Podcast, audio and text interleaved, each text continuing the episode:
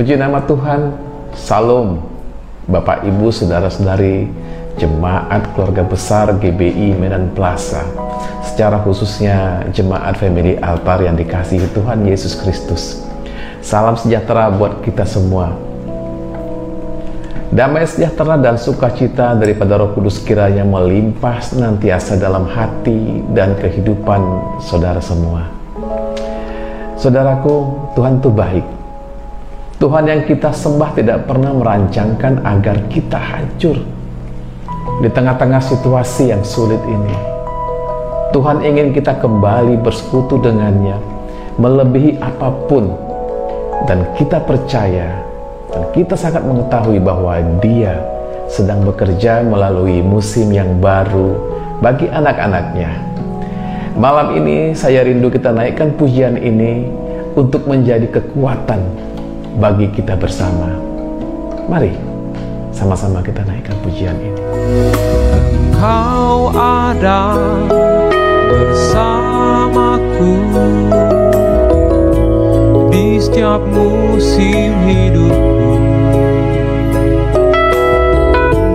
Tak pernah kau biarkan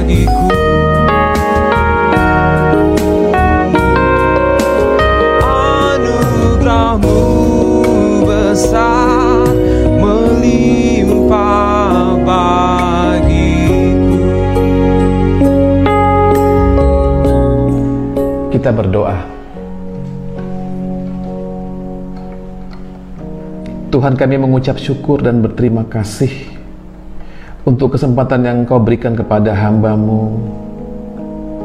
Sore malam ini hambamu boleh membawa sharing family altar di keluarga besar GBI Medan Plaza. Biarlah melalui ibadah FA ini kami membangun mesbah di rumah kami masing-masing. Hambamu berdoa, roh kudus bekerjalah sedemikian rupa, mengurapi, memperlengkapi, dan memberikan kekuatan kepada kami semua sehingga kami mengerti apa rencana Tuhan dalam hidup kami. Biar kami semua ada dalam damai sejahtera-Mu. Hambamu berdoa setelah mendengar pemberitaan firman Tuhan. Kami semua dimerdekakan oleh kebenaran firman Tuhan. Kami semua diperlengkapi. Hidup kami dipulihkan dan hidup kami menjadi jawaban bagi banyak orang. Dan biarlah melalui ibadah FA ini setiap kami menemukan kasih karunia Tuhan yang terdapat dalam satu nama yang indah, yaitu dalam nama Tuhan Yesus Kristus. Terima kasih Bapa, terima kasih Tuhan Yesus. Mari kita semua yang percaya sama-sama kita katakan Amin. Amin. Nah sekali lagi saya ucapkan shalom Saudara memasuki daripada pandemi COVID-19 Maka gereja tempat kita beribadah berpesan Agar kita membangun mesbah Buat Tuhan di rumah kita masing-masing. Dikatakan bagaimana cara kita membangun mesbah Alkitab mencatat bahwa mesbah itu kita bangun dengan cara kita membangun perdamaian dan pendamaian. Mesbah tidak bisa dibangun dengan perpecahan. Mesbah juga tidak bisa dibangun dengan perdebatan, tetapi mesbah dibangun pada waktu kita membangun perdamaian dan pendamaian. Dikatakan juga bahwa Allah yang Maha Kuasa, Dia akan hadir dan berbicara dengan umat Tuhan yaitu dia hadir di atas tutup daripada pendamaian dikatakan dalam keluaran 25 ayat 22 dengan kata lain di mana pendamaian itu ada maka percayalah Tuhan hadir di situ. Bapak Ibu Saudara yang dikasih Tuhan Sore malam ini saya rindu kita bersama-sama membaca dan merenungkan daripada pesan firman Tuhan dengan topik pembawa damai. Dan saya berharap kita semua yang ada di FA diberkati karena kita bukan saja mendengar tapi kita semua melakukannya. Mari bersama-sama kita membuka dari Injil Matius pasalnya kelima dan ayatnya yang kesembilan.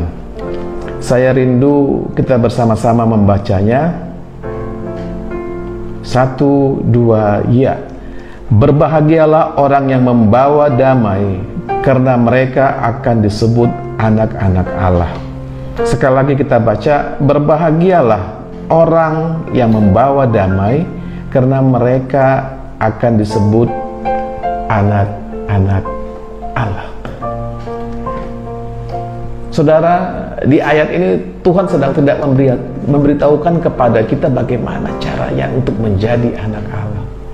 Tuhan sedang mengatakan bahwa anak-anak Allah faktanya adalah pembawa damai atau peacemaker. Orang-orang yang membawa damai akan dikenali sebagai anak-anak Allah.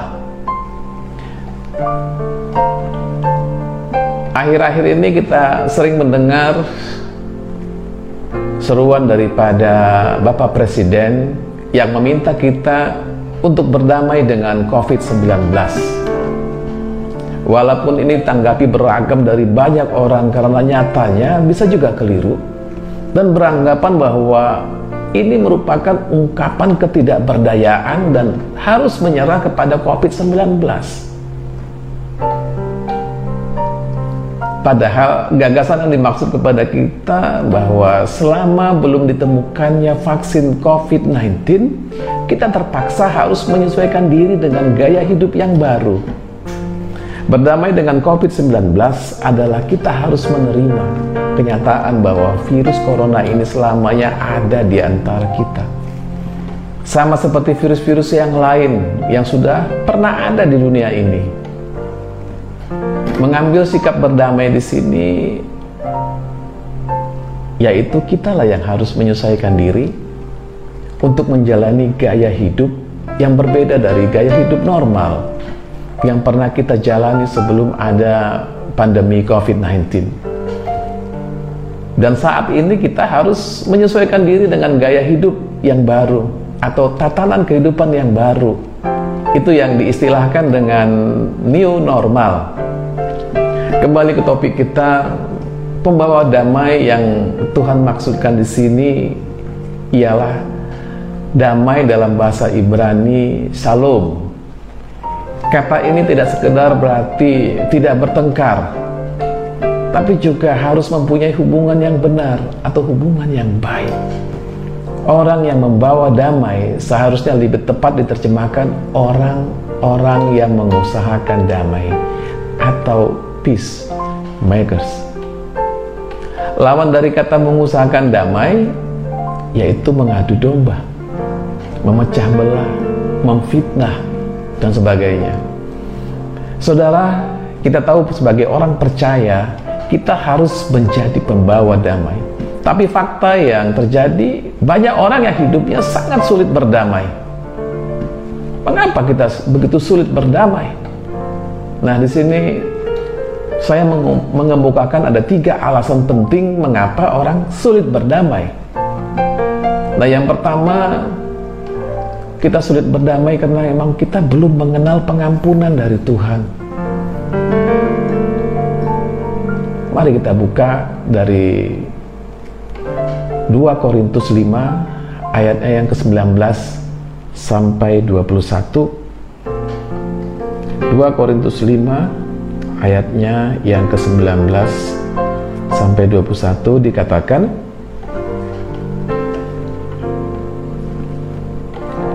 Sebab Allah mendamaikan dunia dengan dirinya oleh Kristus dengan tidak memperhitungkan pelanggaran mereka. Ia telah mempercayakan berita pendamaian itu kepada kami. Jadi kami ini adalah utusan-utusan Kristus Seakan-akan Allah menasihati kamu dengan perantaran kami, dalam nama Kristus kami meminta kepadamu, berilah dirimu didamaikan dengan Allah.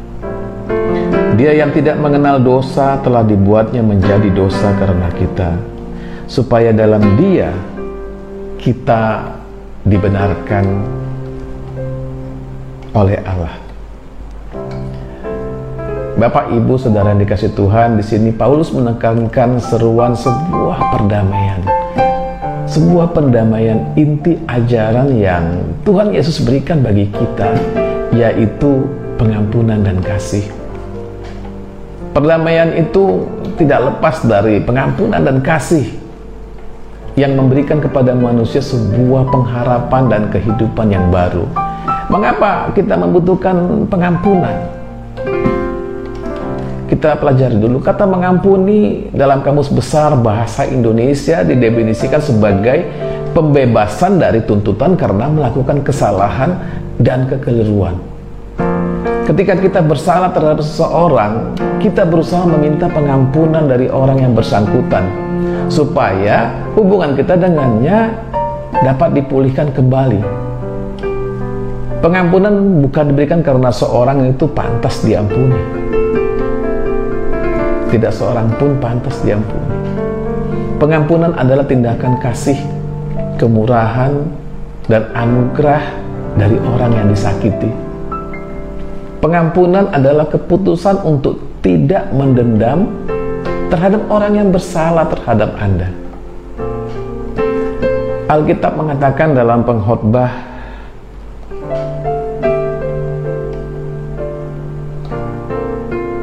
7 ayat yang ke-20 dikatakan sesungguhnya di bumi tidak ada orang yang saleh yang berbuat baik dan tak pernah berbuat dosa.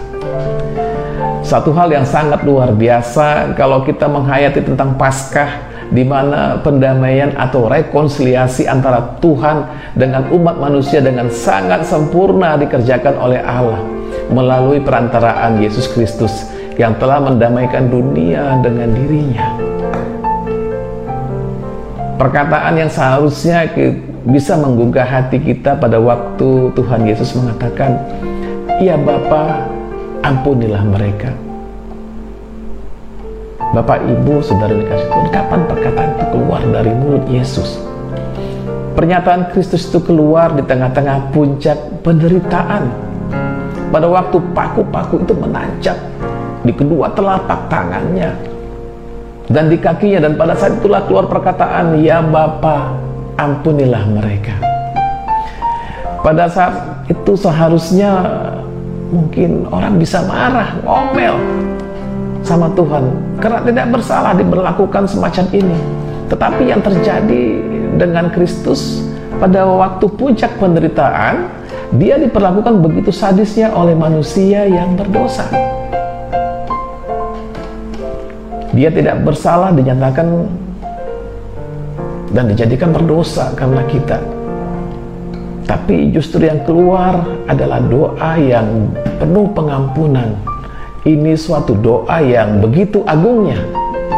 Jadi yang pertama percaya kepada Yesus. Lihat dan dengar bagaimana Allah begitu mengasihi kita dan mengampuni semua kesalahan kita.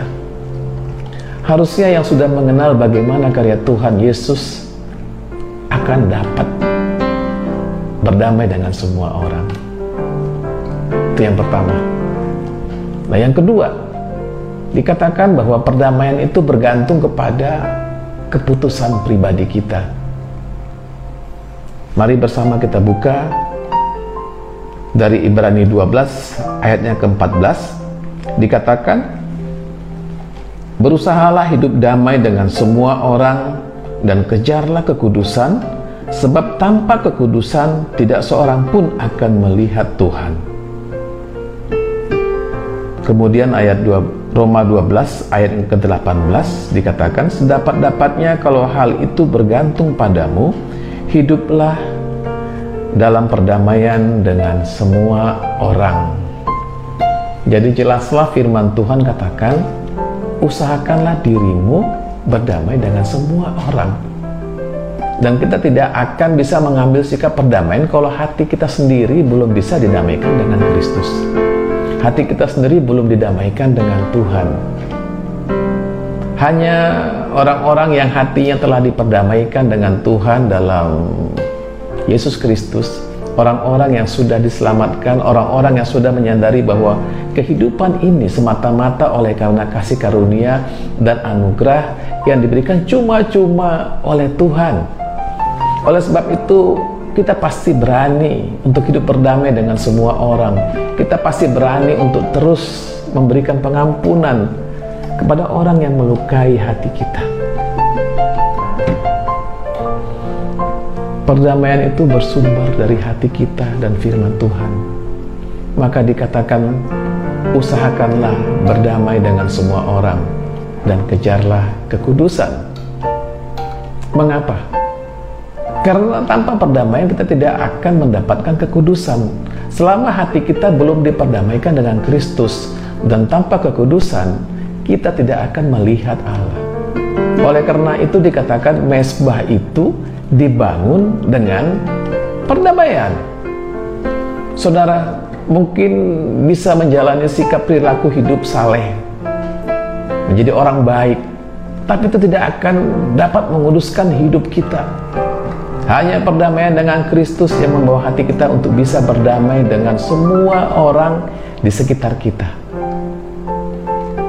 Berarti kita harus hidup dengan pengampunan dan kasih. Kita harus hidup dalam kebenaran dan berbuat baik kepada semua orang di sekitar kita. Mengusahakan damai berarti mengusahakan hubungan yang baik dan benar Walaupun ini kadang-kadang harus melalui proses salah pengertian. Kadang di dalam kehidupan kita setiap hari kita bertemu dan berinteraksi dengan banyak orang dengan bermacam-macam sifat dan kebiasaan. Tidak semua sifat orang itu atau kebiasaan itu menyenangkan hati kita. Kadang-kala kita bertemu dengan orang-orang yang menjengkelkan, orang-orang yang suka membuli kita, orang yang suka menekan kita, orang yang menunjukkan sikap yang tidak menyenangkan atau sikap-sikap tertentu yang merendahkan hati kita. Dan kita tidak bisa memilih siapa orang yang harus ada di sekitar kita. Itu tidak mungkin Bapak Ibu. Kita lah yang harus menyesuaikan diri dengan mereka. Dalam arti kita harus mengambil sebuah sikap perdamaian.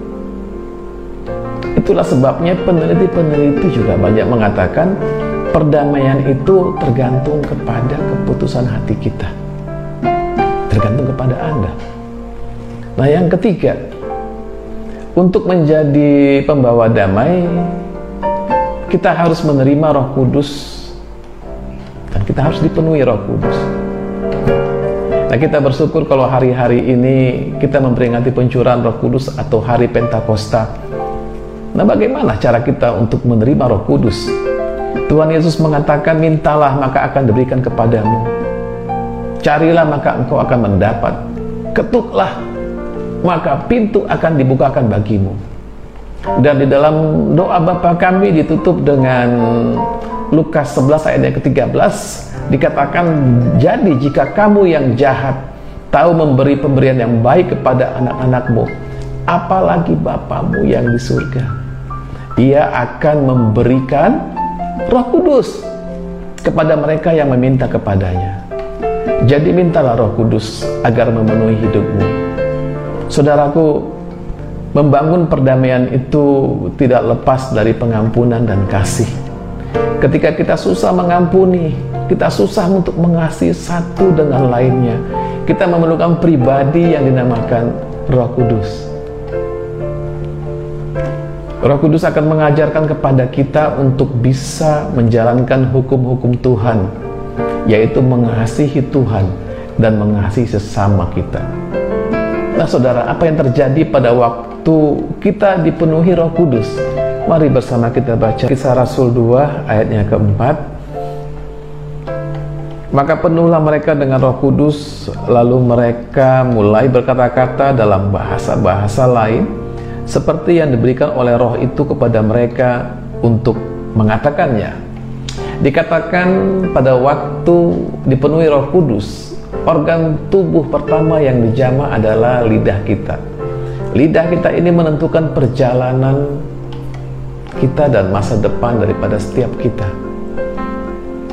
Saya berdoa pada waktu kita memberikan lidah kita di Jamaah Roh Kudus, maka lewat perkataan kita juga memberikan semangat yang baru bagi orang-orang yang mendengarkan setiap ucapan kita. Amin.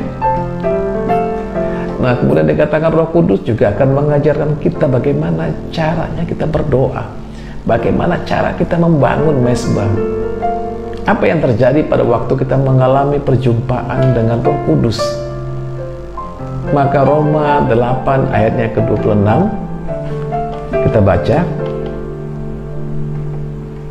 Demikian juga roh membantu kita dalam kelemahan kita sebab kita tidak tahu bagaimana sebenarnya harus berdoa tetapi roh sendiri berdoa untuk kita kepada Allah dengan keluhan-keluhan yang tidak terucapkan Nah, jadi dikatakan bahwa roh itu akan membantu dalam kelemahan-kelemahan kita.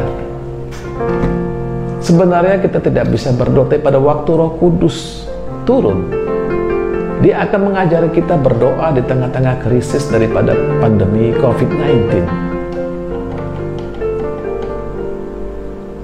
Apa yang terjadi pada waktu roh kudus dicurahkan memenuhi kehidupan saudara dan saya? Alkitab mencatat Roh Kudus akan memampukan kita untuk menjalankan hukum kasih, sehingga kita bisa mengasihi Tuhan. Kita bisa juga mengasihi sesama kita. Dikatakan Roh itu akan membantu dalam kelemahan-kelemahan kita. Kalau hari ini kita kekurangan kasih, Alkitab mencatat salah satu buah roh yang Tuhan berikan yaitu dalam kitab Galatia 5 ayat yang ke-22 adalah kasih. Dan kalau kita mengatakan saya sangat susah mengampuni, saya sangat susah mengasihi, kita perlukan pribadi yang dinamakan Roh Kudus. Karena Roh Kudus akan memproduksi apa itu yang dinamakan kasih. Roh Kudus akan memampukan kita hidup berdampingan dengan sesama dan ingat anda tidak bisa mengumpulkan kasih yang melimpah hanya untuk diri sendiri. Jangan menyimpan kasih itu buat Anda sendiri. Jangan terlalu mencintai mencintai diri sendiri. Waktu Anda mencintai diri sendiri, maka gambar Allah itu akan rusak. Tapi pada waktu Anda menabur kasih, maka Anda makin banyak menuai. Katakan amin. Amin. Dan saya tutup Bapak Ibu, saudara-saudari, kita sudah mendengar bahwa mesbah itu kita bangun dengan cara membangun perdamaian dan pendamaian. Dan perdamaian itu tidak lepas daripada pengampunan dan kasih. Tanpa perdamaian, kita tidak akan mendapatkan kekudusan. Dan tanpa kekudusan, kita tidak akan melihat Allah. Terima kasih untuk kesempatan ini berbahagialah orang yang membawa damai. Immanuel, Tuhan beserta kita. Mari kita naikkan pujian.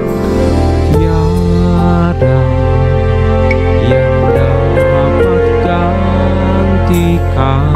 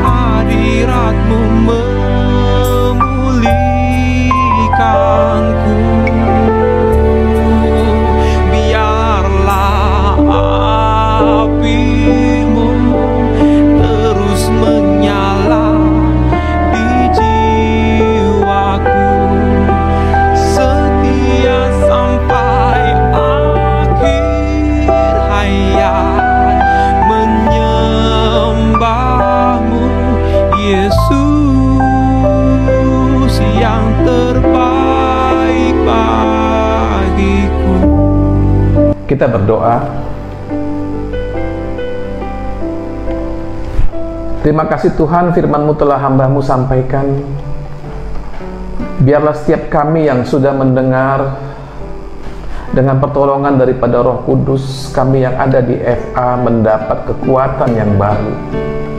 Kami semakin mengerti sekarang bahwa sebagai anak-anak Allah, bahwa setiap kami harus mengusahakan damai. Kami harus menjadi pembawa damai.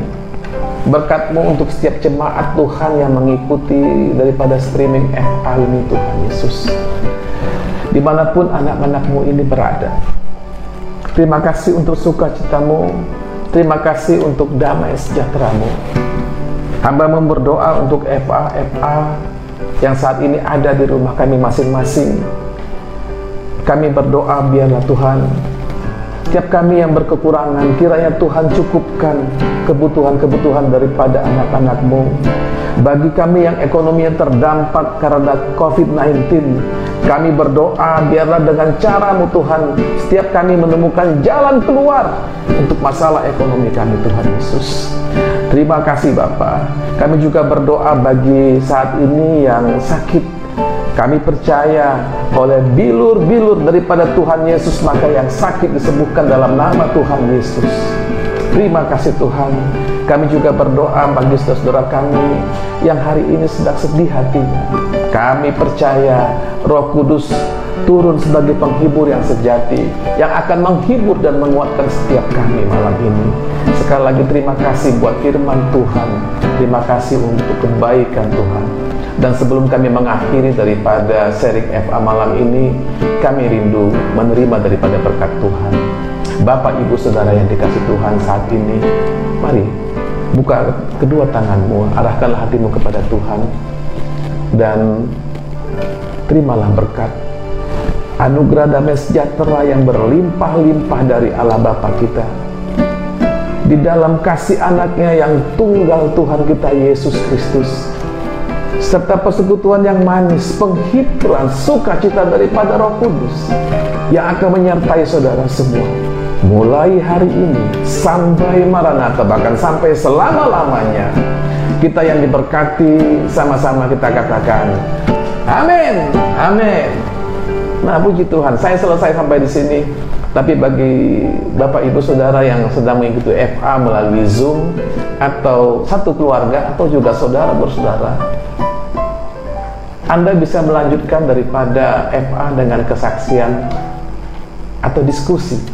Saksikan kapan terakhir saudara pernah melakukan perdamaian dengan memberikan pengampunan dan kasih. Walaupun terasa berat tapi dengan pergumulan dan pertolongan daripada Tuhan, maka semuanya bisa terlewati. Itu bisa menguatkan setiap kita Bapak Ibu. Atau Bapak Ibu sampai saat ini masih sulit melakukan pengampunan, mari kita saling mendoakan. Ini saatnya, jangan ditunda. Roh Kudus telah dicurahkan, minta kepada Roh Kudus untuk memenuhi daripada hidupmu. Mintalah kasih yang besar daripada Tuhan untuk bisa melakukan pengampunan itu. Terima kasih. Saya selesai sampai di sini sekali lagi. Selamat ber-FA. Tuhan Yesus memberkati. Shalom.